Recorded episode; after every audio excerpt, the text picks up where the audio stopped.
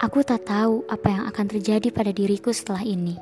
Setelah semuanya berbeda, setelah kehidupanku tiba-tiba berubah. Memang takdir itu adalah misteri. Kita tidak pernah tahu, bahkan satu detik setelah ini. Dengan tiba-tiba, tanpa aba-aba, Allah menterjadikan semua di luar akal seorang manusia. Tapi aku percaya, takdir Allah itu pasti yang terbaik. Karena apa yang menurut kita baik, belum tentu baik di hadapannya. Aku percaya bahwa Allah tidak pernah tidur, tidak akan meninggalkan hambanya sendirian. Dan aku yakin Allah menurunkan masalah pasti dengan solusinya. Allah tidak akan pernah salah memilih pundak untuk diberikan beban.